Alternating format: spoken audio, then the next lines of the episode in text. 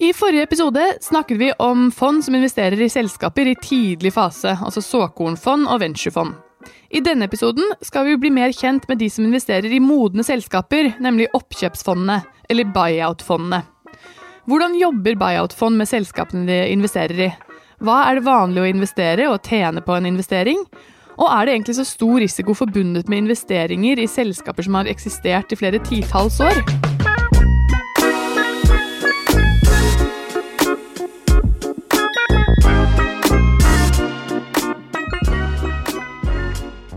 Det skal Kai Jordal i Longship fortelle oss mer om. Kai er en oppkjøpsveteran, godt kjent i bransjen. Og Nylig hentet Kai og kompanjongene hans 1,7 milliarder kroner til sitt andre fond. Det er mye penger, og nå skal vi høre hva som skjer med de pengene. Velkommen til en ny episode av Unotert. Hei, Kai, og tusen takk for at du ville komme og fortelle oss mer om oppkjøpsfond, eller buyout-fond fondene som kanskje oftest forbindes med private equity. Og også her er det mange begreper eh, i den episoden vi skal gjennom nå. Eh, jeg gir jo en forklaring i introduksjonsepisoden for de som ikke har hørt den, og som fortsatt lurer på hva de ulike ordene betyr. Men kan ikke du beskrive buyout-fasen enda litt mer for oss? Du kan jo begynne med å fortelle litt om eh, hvem som starter og leder et typisk oppkjøpsfond. Ja, et, ehm, et, oppkjøpsfond er eh, en ganske komplisert eh, struktur og et ganske komplisert setup. Eh, og det gjør at det er en ganske høy terskel for å, for å etablere et, et, oppkjøpsfond. Og det er, jo, det er jo primært to områder som er komplekse. Det ene er det at man må forstå på en måte hele strukturen rundt en, en fondsetablering med fond, med managementselskap, med administratorer. Eh, det er mye både compliance og regulatoriske og strukturelle ting som man må ha kontroll på når man skal etablere et fond. Og Det gjelder jo spesielt der hvor man skal hente internasjonale investorer eh, som skal inn og investere i fondet. Det andre er at eh, investorer som skal investere i et nytt private equity-fond, ofte ser etter personer som har en track record, etablert en etablert historikk med å investere og, og, utvikle selskaper og skape verdier. Derfor er det typisk folk som har den typen erfaring, og som kanskje har vært i andre PE-fond før. Som har den etablerte måte, kompetansen som skal til for å kunne etablere et nytt PE-fond. Derfor er det ikke så veldig mange nye PE-fond som blir etablert. men hvor store er disse fondene typisk? Da? Eller hvor mange mennesker jobber i et, et oppkjøpsfond? Det er sikkert mange som tenker at dette er store organisasjoner som sitter og eier eh, veldig mange selskaper. Det typiske er at eh, PE-miljøene er relativt uh, små i form av antall mennesker. Forvalter ofte mye kapital. PE-bransjen er jo blitt en moden bransje, så det er et veldig stort utvalg av forskjellige typer buyout-firmaer. Noen fokuserer på de mindre selskapene, og noen er globale og kjøper store store, etablerte selskaper verden rundt. Uh, så det er et veldig stort spenn. Uh, ser man på de norske miljøene, så er uh, vi i Longship er elleve personer. Vi er et stort miljø til å fokusere på de mindre selskapene i Norge, som er det som er, som er vårt fokusområde. Mm. og har i dag ca. 3 milliarder kroner som vi forvalter i de to fondene som vi, som vi jobber med nå. Hvordan er det sammenlignet med FSN eller EQT, da? Andre oppkjøpsfond? Um, ja, du har jo du har på en måte tre nivåer. Da. Du har de som jobber lokalt i det norske markedet. Eh, kjøper mindre virksomheter i, i, det, eh, i Norge. Og så har du en ganske stor gruppe med nordiske miljøer som jobber i hele Norden, og som har lokale team i de enkelte nordiske landene. Eh, og kjøper virksomheter der. De vil typisk ha større fond, fordi at de jobber i et større geografisk område. Og kjøper også ofte større virksomheter i, i de nordiske landene. Da kan de ha fond på kanskje 10 milliarder kroner, uh, som, kan være, som, kan være, en riktig fondsstørrelse for en sånn nordisk strategi. Mm. Og Så kommer du over i de mer paneuropeiske eller, eller globale fondene, sånn som EQT er et eksempel på, uh, som forvalter uh, i utgangspunktet 100 milliarder eller mer i et fond. Mm. Og, og, kjøper enda større virksomheter. Ja, for Hvor mye investerer dere cirka i hvert selskap? Og hvor mange selskaper investerer man i hvert fond? Et fond har jo en begrenset levetid, eh, typisk ti år, hvor man har en investeringsperiode på kanskje fire år hvor man investerer. og Det vil si at det er et begrenset antall selskaper som skal inn i en portefølje i et fond. I, i vårt tilfelle så er det typisk sju til ti selskaper som man investerer i fra ett fond, før man da reiser et nytt fond for å investere inn i de andre. Mm. Og Det betyr at vi typisk i, i vår situasjon da investerer et eller annet sted mellom 100 og kanskje 300 millioner kroner i hvert enkelt selskap som vi investerer i. Mm. Uh, mens det er klart de som jobber med, uh, med større selskaper, vil, uh, er det jo for så vidt ingen begrensning i hvor mye man hvor, hvor, store selskaper man kan kjøpe, og hvor mye da man investerer i hvert enkelt tilfelle. Mm. Men alle disse pengene, hvor får dere de fra da? Hvem er det som investerer i oppkjøpsfond? Ja, det er det, det, er ikke noe, eh, det er, det er ikke noe kryptisk rundt eh, den kapitalen som går inn i private equity-fond. Eh, det er i utgangspunktet akkurat den samme kapitalen som investeres inn i børsnoterte selskaper på verdens børser. Det er i utgangspunktet pensjonskasser, kapitalforvaltere, forsikringsselskaper, Eh, det er noe family offices eh, hvor det er formuer som er bygd opp over tid, og som investeres i børsnoterte selskaper. Og så er det jo De aller fleste selskapene er jo ikke børsnotert. Eh, og det vil si at de investorene som forvalter kapital for, for pensjonistene, de, de leter etter en mulighet hvor de også kan investere inn i selskaper som ikke er børsnotert.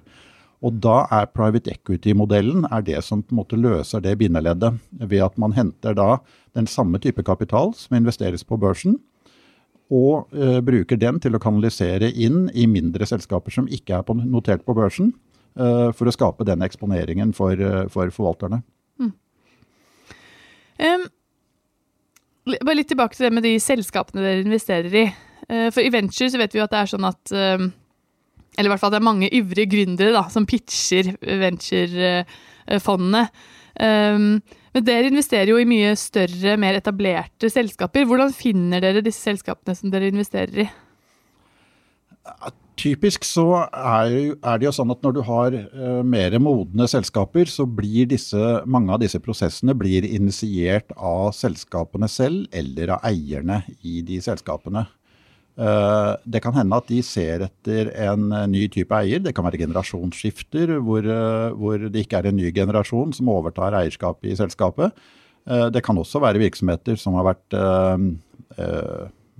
eid av en gründer som ønsker å, å, på en måte realisere investeringen sin og kanskje bringe selskapet videre framover uten at han har hele ansvaret selv. Det kan også være andre private equity-miljøer eller finansielle investorer som har eid selskapet en periode, og som ser etter eh, en mulighet for å finne nye eiere. Mm. Uh, og da går, uh, tar de som regel kontakt med ulike typer rådgivere som uh, prøver å søke opp potensielle nye eiere til selskapet. Mm. så ofte kommer det veldig mange selskaper som blir introdusert til oss, enten direkte fra selskapet eller eierne selv eller fra uh, ulike typer rådgivere som, som, hjelper til med å finne nye, nye, eiere. I tillegg så gjør vi jo alle sammen i PE-bransjen uh, et stort stykke arbeid i form av å prøve å identifisere spennende selskaper som vi, som vi tror fortjener å vokse videre framover, og som vi tenker muligens kunne ha ha nytte av å få en, eh, en type profesjonelt eiermiljø inn som, som en partner og, og, eier i virksomheten. Mm.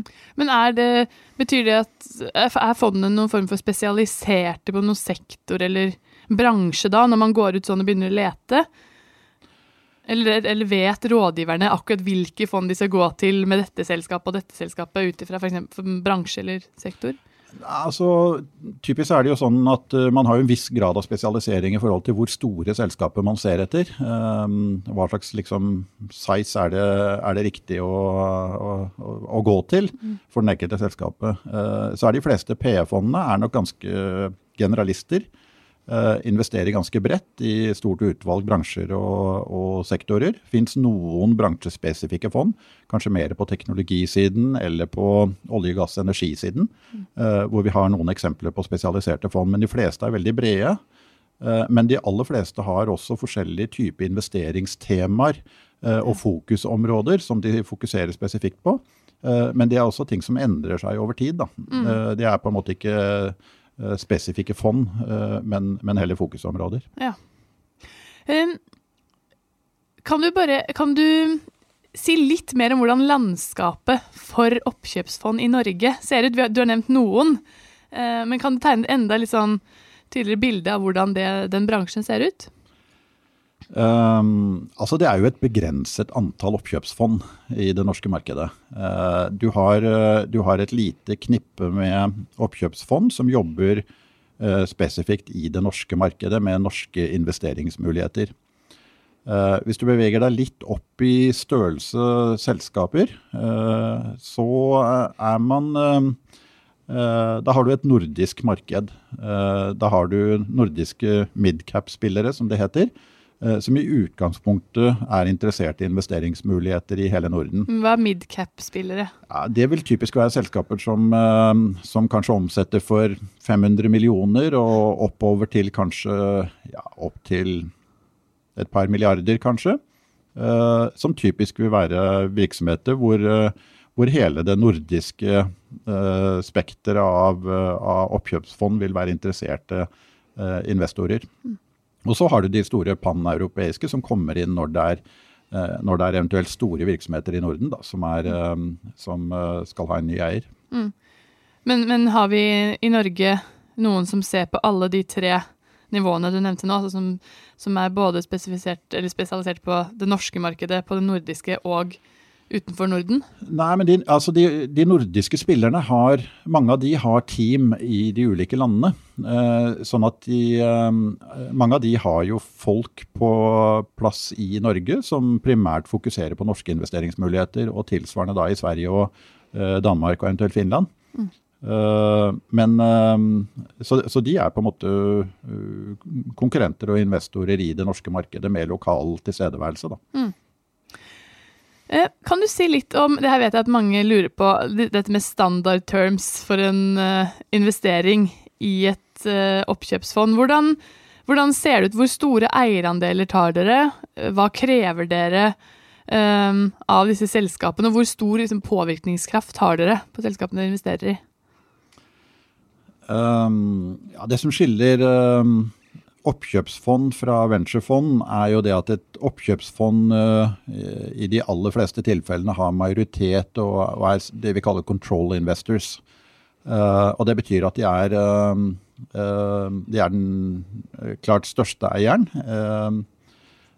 veldig ofte så er det sånn at management, ansatte i selskapene, også kommer inn på eiersiden gjennom en, en private equity-struktur. Eh, vi oppfordrer jo til det, at, eh, at ansatte og ledelse også skal, eh, skal, være aksjonærer og få en eierskapsforhold til det selskapet de jobber i. Så de vil ofte være deleiere. Og så kan det være, i, spesielt i våre situasjoner, da, som investerer i, i, litt mindre virksomheter i Norge, så er det veldig ofte en tidligere eier eller tidligere eiere. Det kan være en gründer som fortsatt er eier videre, eh, men da med en mindre post enn det, det han hadde initielt. Hvorfor er det viktig å ha med gründeren eller tidligere eiere videre, da? Nei, det, det, kommer an på igjen hvilken fase av utvikling selskapene er i. Eh, det Er klart, er du i større, mer modne selskaper, så er ofte gründeren ferdig med hele situasjonen. Det kan være en familie som har solgt virksomheten ut og ikke lenger har noe eierinteresse i selskapet. Da er ikke det viktig lenger. Og så kan det være eh, de mindre virksomhetene hvor en gründer har utviklet selskapet til en viss størrelse, uh, ønsker egentlig mer ressurser, uh, trenger mer kompetanse inn, trenger kanskje kapital til å kunne gjøre de tingene som man drømmer om i forhold til selskapet. Mm. og da kan det være riktig å, å ta inn en type partner som oss. Uh, som har uh, både kapital og andre ressurser som vi kan tilføre til selskapet uh, framover, men hvor de fortsatt er med på eiersiden. Da. Ja. Hva, hva, slags andre typer ressurser er det? Hva annet enn kapital tilfører dere selskapene? Altså, vi jeg, vil si at det er, det er, jo på flere områder hvor vi vil kunne bidra inn i et, inn i et selskap. Kapital er helt opplagt.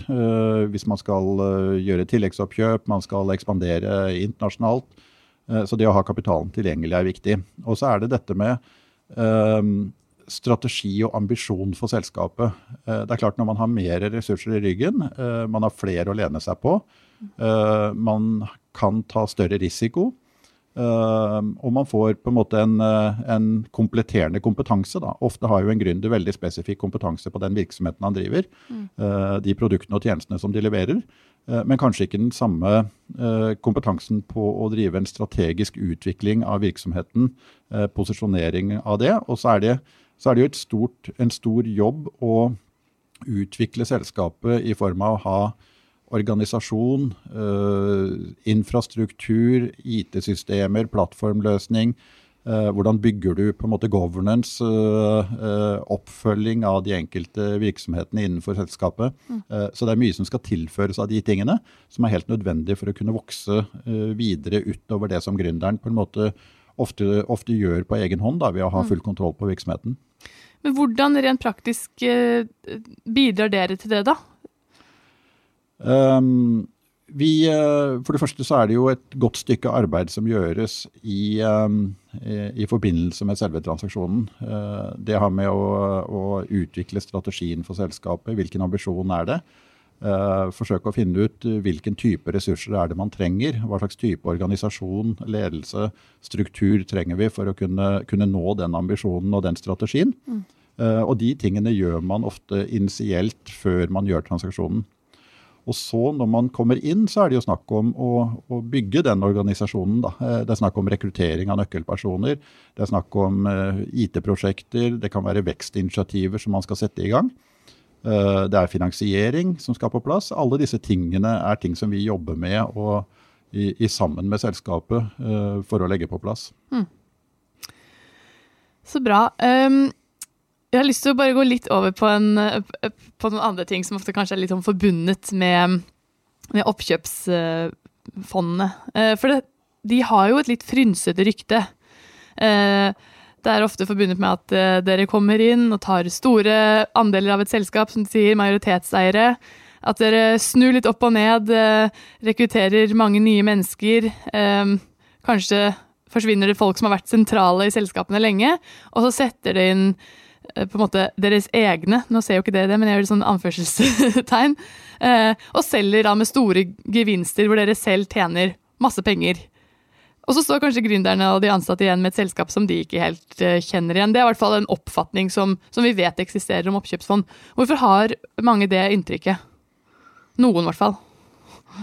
Jeg, jeg er, det er bra du sier noen. Altså, jeg, jeg, jeg, er jo Jeg er litt usikker på egentlig hvor mange som har det inntrykket. Jeg tror, jeg tror det er kanskje heller det at eh, det er veldig få som vet noe som helst om det. Eh, det er vel det som er største problemet. Uh, og, så,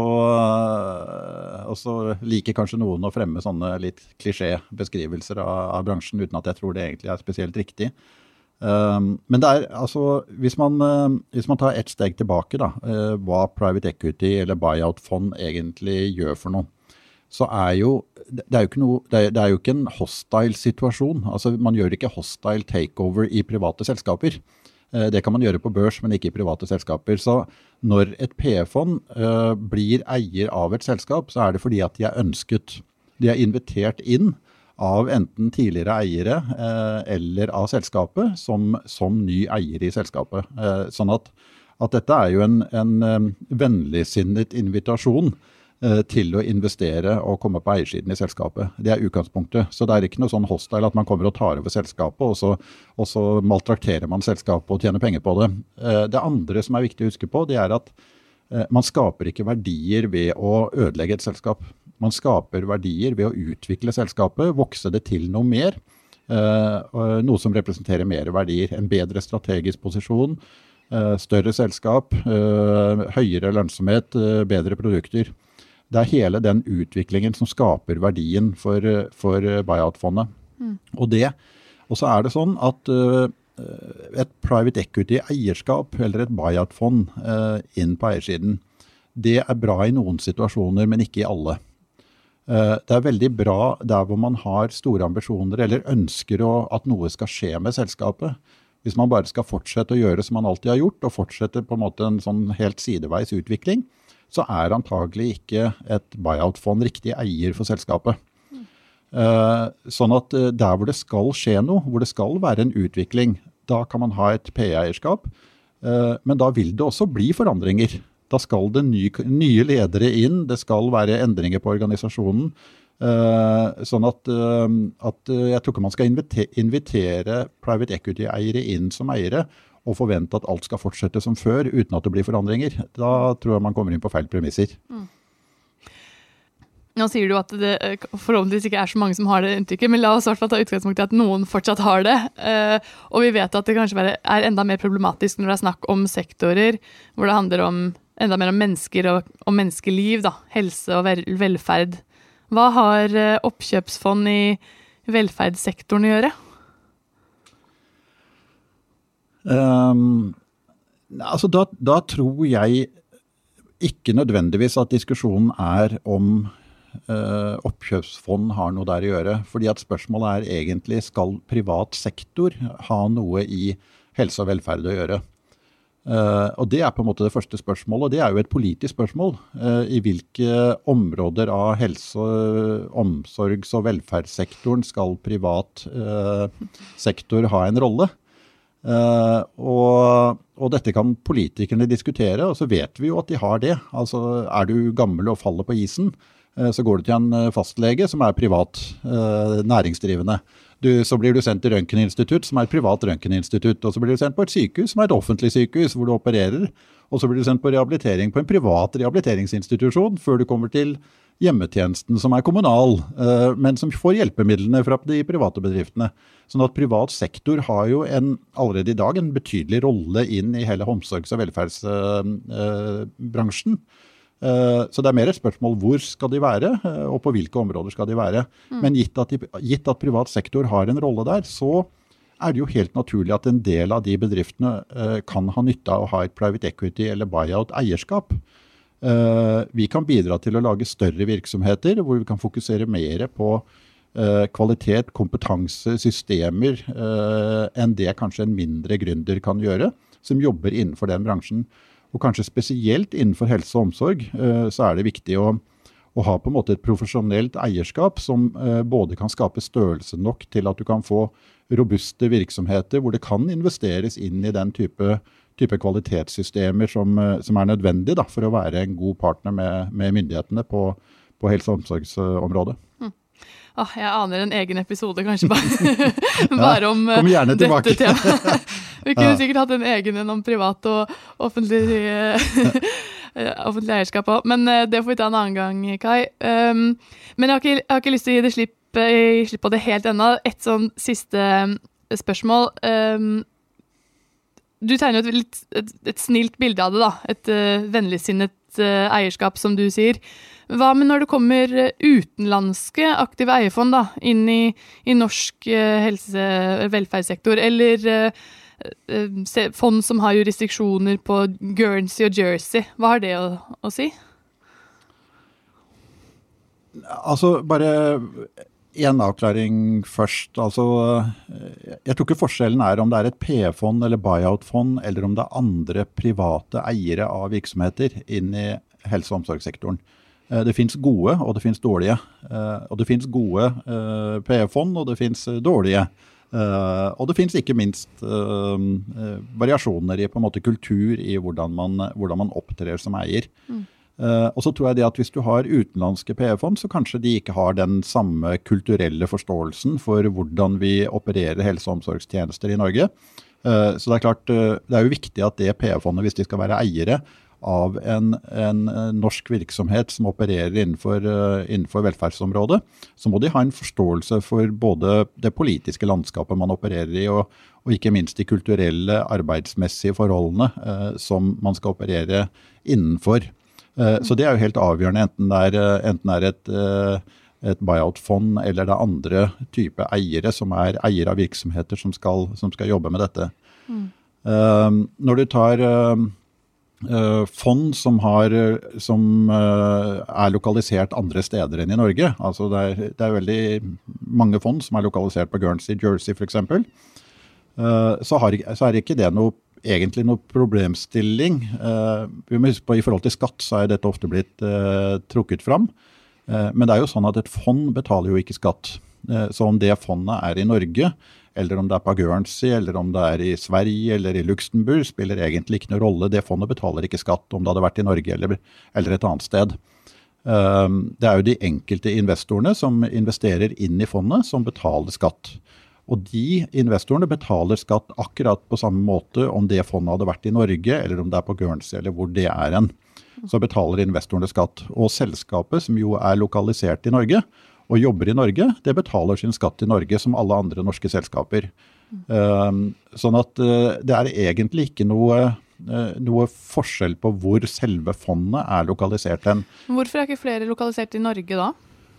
Ja, Det er rett og slett fordi at uh, veldig mye av uh, den kapitalen som investeres inn i et private equity-fond, kommer fra ulike typer ja, typisk da pensjonskasser uh, rundt i Europa eller internasjonalt. hvis vi skal etablere et fond i Norge, så er, man nødt til, så er de investorene som skal vurdere fondsstrukturen, nødt til å kjenne hele det legale regimet rundt en, en, et norskt fond og vite at det blir behandlet på samme måte som det det blir andre steder, som de er godt kjent med. Det, det er litt vanskelig å overbevise dem om. Norge er et veldig lite land. Ehm, vi har ikke veldig mange PR-miljøer. Eh, så for oss å drive opplæring av eh, utenlandske eh, pensjonskasser som skal investere inn i fondet, er litt krevende. Og da velger vi ofte den en måte enkle løsningen, som er å etablere et fond et sted hvor investoren er kjent med med den legale strukturen for, eh, for fondet. Eh, så det er en enklere vei til målet, eh, rett og slett. Det andre punktet er at det er en ganske kompleks rådgivermiljø og, og, apparat rundt et sånt fond. Der har vi ikke en veldig veletablert kompetanse og struktur på dette i Norge. Så vi har ikke rett og slett den infrastrukturen da, på plass som gjør at man har, har den forvaltningen av et sånt fond, eh, som mm. det vi finner andre steder hvor de, hvor de har eh, mange flere fond og lengre historikk på det. Mm. Dette er spennende å, å, høre om. Vi får snakke mer om det i en uh, egen episode, tror jeg. Um, men jeg har lyst til å stille ett spørsmål uh, helt på tampen, uh, Kai. NVCA ble starta for 20 år siden med noen av de første og nå største oppkjøpsfondene i spissen. Um, og siden det så har bransjen vokst fort. Hva tror du om utviklingen av private equity-miljøet i Norge de neste 20 årene? Jeg er jo ikke av de som tror at dette blir liksom noe dramatisk uh, utvikling på noe som helst måte. Uh, vi er uh, Altså Norge er et lite land i utkanten av Europa, ikke medlem av EU. Det er, det, er, på en måte et begrenset private equity-marked eh, i Norge.